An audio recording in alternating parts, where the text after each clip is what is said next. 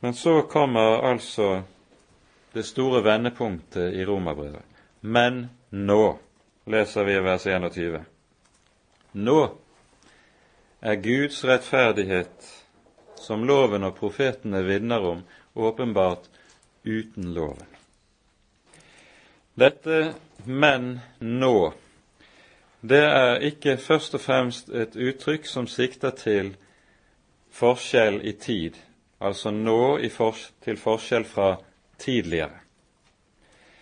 Men det er en forskjell i sak. Han har i det foregående altså talt om loven, og så sier han 'men nå', i motsetning til dette, under evangeliet. Da er saksforholdet radikalt annerledes.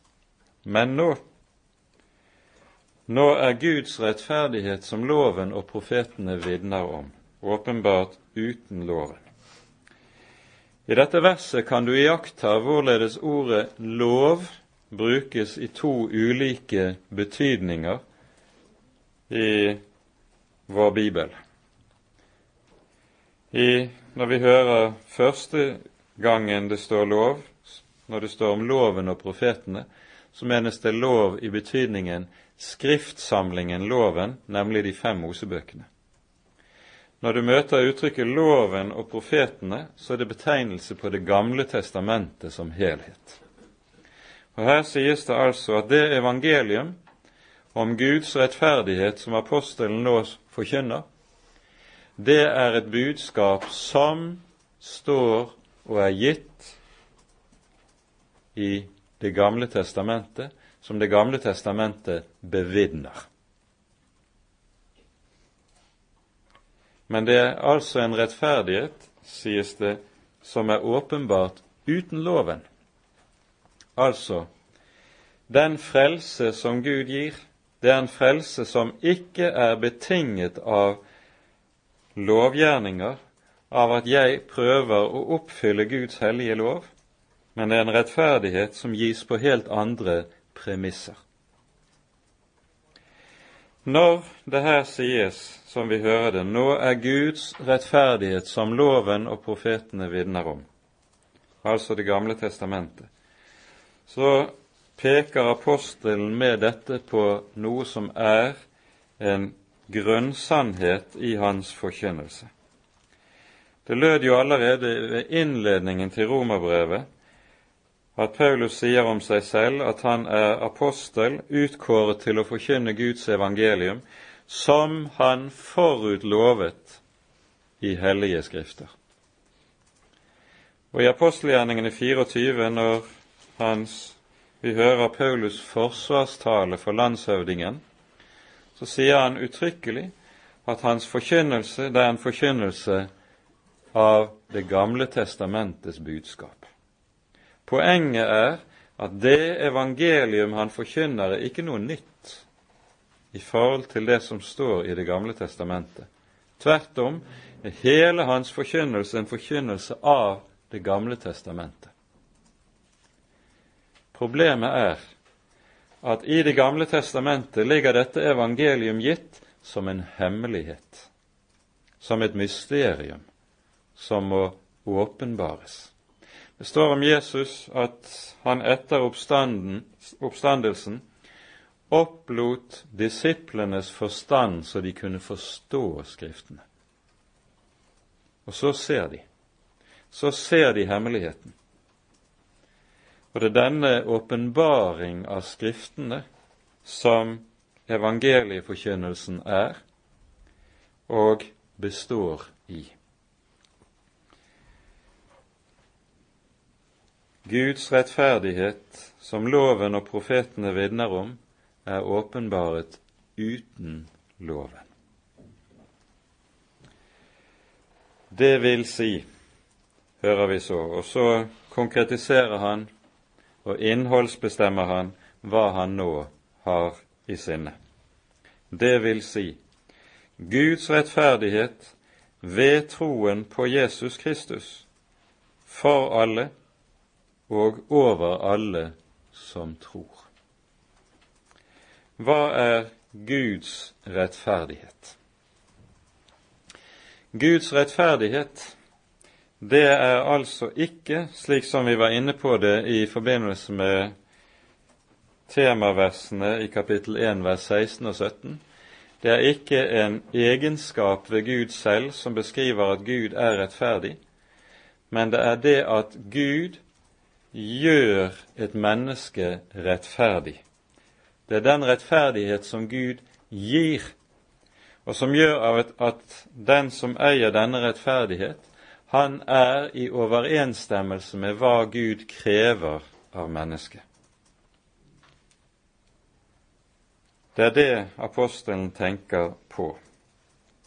Denne rettferdighet er bevidnet, hører vi, i loven og profetene.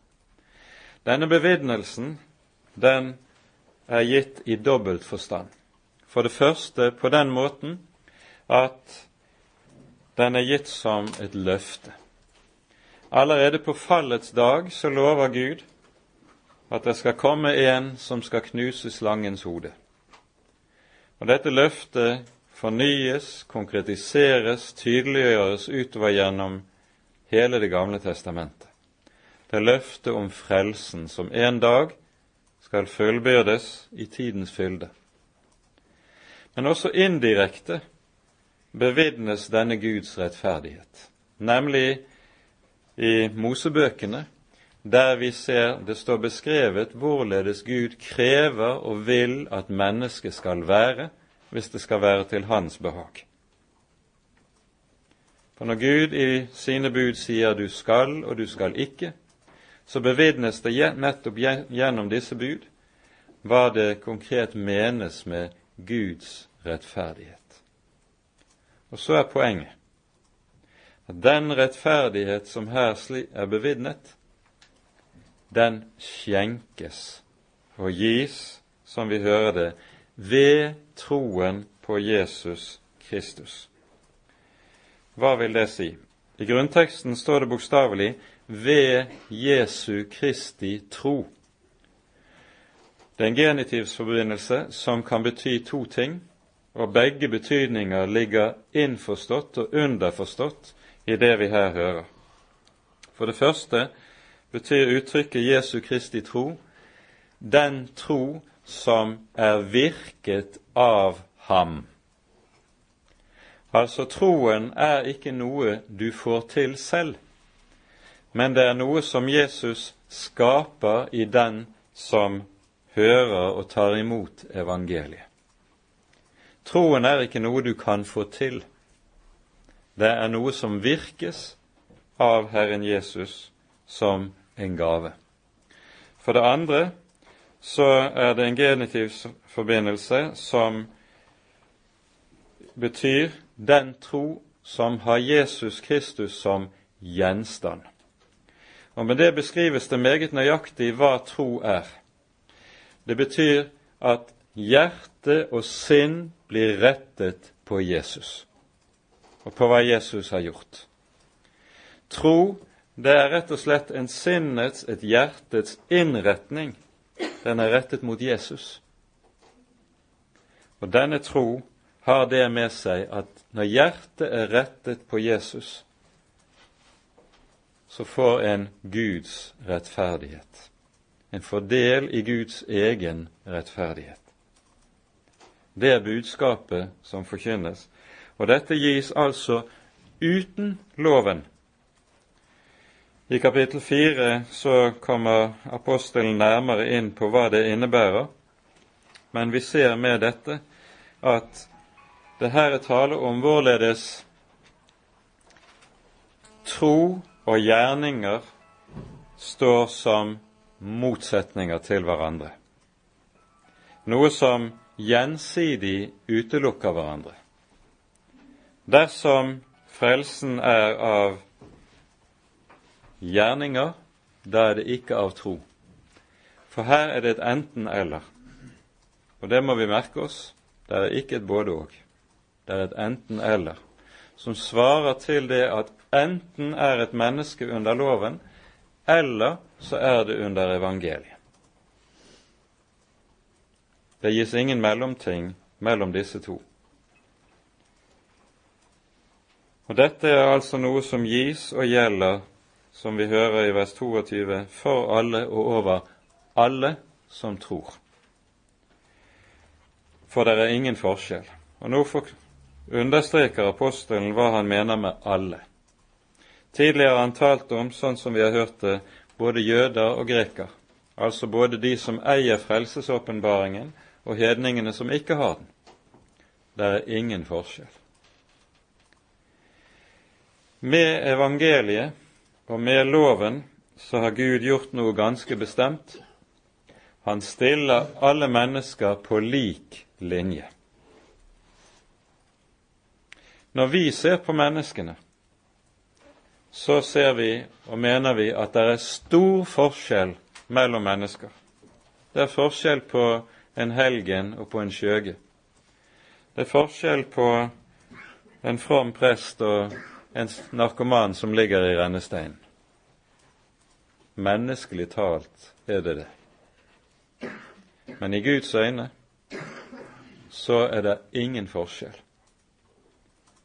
For her er det slik at loven gjør alle skyldige, og evangeliet frikjenner menneskene på grunnlag av hva en annen har gjort. Og det gjelder for alle, uten forskjell. Det er ingen forskjell. Alle har syndet og står uten ære for Gud, og derfor må alle også bli rettferdiggjort på samme grunnvoll. Alle har syndet og står uten ære for Gud. Det er menneskets situasjon, som Paulus har pekt på i det foregående, og de blir rettferdiggjort, uforskyldt av Hans nåde, ved forløsningen i Kristus Jesus. I disse versene som vi her har for oss, møter vi nå hovedbegrep som hele frelsesbudskapet i Det nye testamentet henger på. Vi må først si noen ord om dette begrepet rettferdiggjørelse.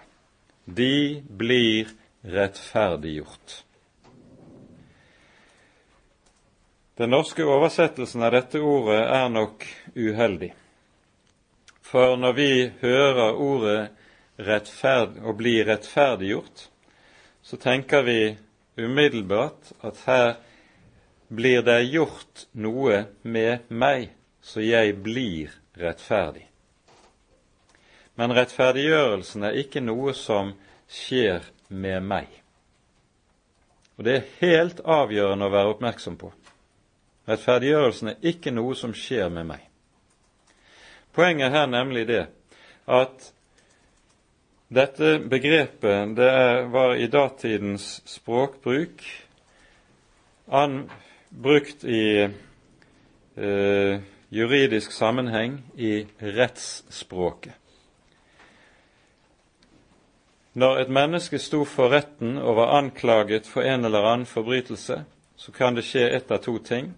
Enten at han dømmes som skyldig, eller at han frikjennes fordi han dømmes som uskyldig. Og ordet rettferdiggjørelse, å bli rettferdiggjort, det er nettopp uttrykket for å bli frikjent når du står for domstolen. Å bli frikjent. Det er altså et domsutsagn fra Guds egen munn, dette uttrykket å bli rettferdiggjort. Det er Gud som frikjenner. Av og til så hører vi jo i kristen språkbruk at det tales om frelsen som benådning. Og det er en stor misforståelse, for det er en stor forskjell på det å bli benådet og det å bli frikjent. Den som blir benådet, han er jo dømt skyldig for en eller annen forbrytelse. Benådes han, så betyr det at han får ettergitt en større eller mindre del av straffen som han så er ilagt. Men den som er frikjent, han er kjent uskyldig i det han er anklaget for. Og det er det som skjer i rettferdiggjørelsen. Du frikjennes for den anklagen som loven retter imot deg. Loven kommer med alle sine bud. Du skal, og du skal ikke. Og du er ikke uskyldig i forhold til et eneste ett av lovens bud. Du er skyldig fullt og helt i forhold til alle budene. Og så frikjennes du likevel. Hvordan kan Gud gjøre noe sånt? Frikjenne de skyldige. Jo, sies det her, det skjer uforskyldt av Hans nåde ved på grunn av forløsningen i Kristus Jesus. Uforskyldt, det er et uttrykk i grunnteksten her som betyr som en gave. Altså frikjennelsen kommer til oss som en gave det kommer ikke som et godtkjøpstilbud som sier, sånn som det er nå, billig, billig, billig, så det ene og den andre butikkjeden kan reklamere med her. Selv om det er billig, så må du likevel betale. Men her er det tale om noe som gis for intet, som gave. Det er noe langt annet. Så sies det av Hans nåde. Ordet nåde betyr at Gud elsker oss uten at det er grunnlag for det i noe som vi er i oss selv. Han elsker på grunnlag av at han er den han er, ikke på grunnlag av at du har noe som er elskverdig hos deg.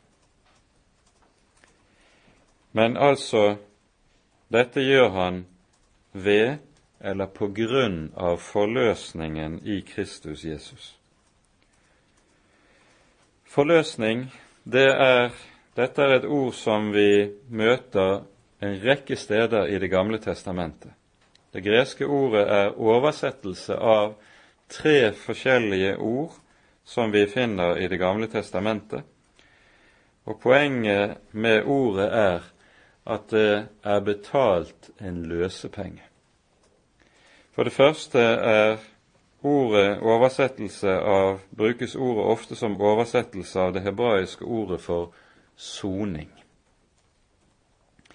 Der er gjort en soning, Der er skjedd en soning for synd. Og på det grunnlaget kan Gud rettferdiggjøre, frikjenne. For det andre så er, kan ordet være en oversettelse av et hebraisk ord som betyr å betale løsepenge. Det som man betaler f.eks. For, for å få satt en slave i frihet. Og For det tredje så brukes ordet også tidvis som oversettelse av et begrep som taler om det å på tar på seg forpliktelsen for å sørge for fattige i egen slekt som ikke er i stand til å sørge for seg selv. Slik har Gud ved forløsningen i Kristus Jesus gjort det slik at for det første, i Kristus har Han sonet synd. Slik som vi hører det forbilledlig omtalt i Tredje Mosebok 16. kapittel, der vi hører om den store forsoningsdagen. Hva er poenget med det som vi leser der? Gud lar et uskyldig lam gå i døden i stedet for sitt folk, som står der med skyld overfor ham. Og så tjener lammets blod til soning for synd. Folket går fri, de er skyldige, men soningen, i soningen så dør det uskyldige lam. Kristus er lammet som dør. For det andre er dette blod, slik Bibelen taler om det, det er løsepengen, det er prisen som betales for frikjennelsen. Og for det tredje, når det taler om en forpliktelse Guds sønn har altså tatt på seg forpliktelsen for å sørge for at vi som står der uten det vi trenger for å kunne leve, han vil bære alle omkostninger ved det. Som om han var vår nærmeste familie, vår forsørger. Poenget er når vi rettferdiggjøres, så skjer det på grunnlag av noe en annen har gjort, på grunn av Guds sønns lidelse og død. Jesus sier menneskesønnen er ikke kommet til verden for, for å bli tjent, men for selv å tjene og gi sitt liv til en løsepenge for mange. Det er her tale om hvorledes Jesu død på korset gjør opp for all den synd som du og jeg har gjort i forhold til Guds hellige lov. Og så skal vi få bli frikjent. Og når det står at Gud på denne måten rettferdiggjør oss,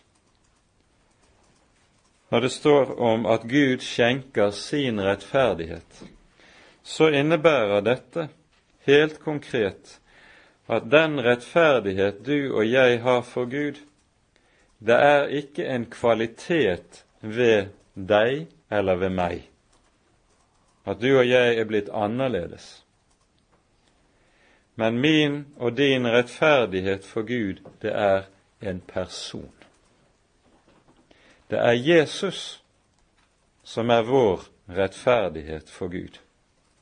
Derfor sies det hos profeten Jeremia, når det taler om den kommende Messias som følger, dette er det navn han skal kalles med. Herren vår rettferdighet. Det er Jesus som er min rettferdighet. I meg selv er jeg en synder, og blir jeg aldri noe annet heller. I meg selv er jeg ugudelig og urettferdig, og blir aldri noe annet i meg selv. Men Jesus er min rettferdighet. Jesus er min hellighet. Jesus er min renhet. Og det gjelder i mitt sted. Det er det rettferdiggjørelsen handler om. Det handler om at du skal få være et Guds barn på grunnlag av noe en annen har gjort, Jesus Kristus. Ikke på grunnlag av noe du selv har gjort, på grunnlag av noe du selv er, noe du selv kan få til. Du skal få være Guds, Guds barn på grunnlag av en annen på grunnlag av noe som er fullbrakt og fullbyrdet utenfor deg, uavhengig av deg, og som altså ikke ligger i ditt hjerte. Du er rettferdiggjort for Jesus skyld. På grunn av dette så har Martin Luther satt et eget navn på den rettferdighet som vi her taler om. Han sier at det slik at vår rettferdighet for Gud, det er en fremmed rettferdighet. Det er nemlig ikke noe som du har fått i stand eller fått til eller kunnet opparbeide i ditt eget hjerte eller i ditt eget liv. Det er noe som en annen har fått i stand utenfor deg, uavhengig av deg, uten din bistand og hjelp. Dette er det navn han skal kalles med. Herren vår rettferdighet. Det er det en kristen har å leve på. Det er det en kristen også har å dø på. For du har ingenting annet å vise til overfor Gud på den siste store dag enn hva Jesus er i ditt sted. Og når Gud sendte sin sønn til verden, så sendte han til, ham til verden nettopp for at han skulle være din og min vikar, din og min stedfortreder. At det han er, det han har gjort, det gjelder i ditt og i mitt sted. Derfor sies det, som vi hører det i 2. Korinterbrevs femte kapittel, og vi slutter med å peke på det. 2. Korinterbrev kapittel 5, vers 21. Ham som ikke visste av synd, har han gjort til synd for oss, for at vi i ham skal bli rettferdige for Gud. Det er å være et kristent menneske. Det er at Gud har gitt oss en stedfortreder. Gud har ordnet med at det har skjedd et bytte, der Kristus tar min plass som synderen som går inn under dommen og jeg får ta Kristi plass og bli den rettferdige og hellige som eier Guds velbehag. Og Derfor er det i Kristus slik at de samme ordene som lød over Jesus ved hans dåp i Jordan, de lyder over hvert menneske som tror på Jesus og tar sin tilflukt til ham. Dette er min sønn, den elskede, i hvem jeg har velbehag. Og så er himmelen åpen over ham der i Jordan, og på samme måten er den åpen over alle som hører Jesus til. Så stiger Ånden ned over ham der i Jordan, og på samme måte stiger Ånden ned over alle som hører Jesus til. For de er Guds elskede, som eier Guds velbehag for Jesus skyld. For Jesus skyld. Så har loven fratatt meg all ros. Så har loven fratatt meg all det jeg kunne ha å bygge på i mitt eget hjerte og i mitt eget liv. Det spiller ingen rolle. For i Kristus har Gud gitt meg alt jeg overhodet trenger for tid og for evighet og det er nok. Ære være Faderen og Sønnen og Den hellige ånd, som var og er og være skal en sann Gud, høylovet i evighet. Amen.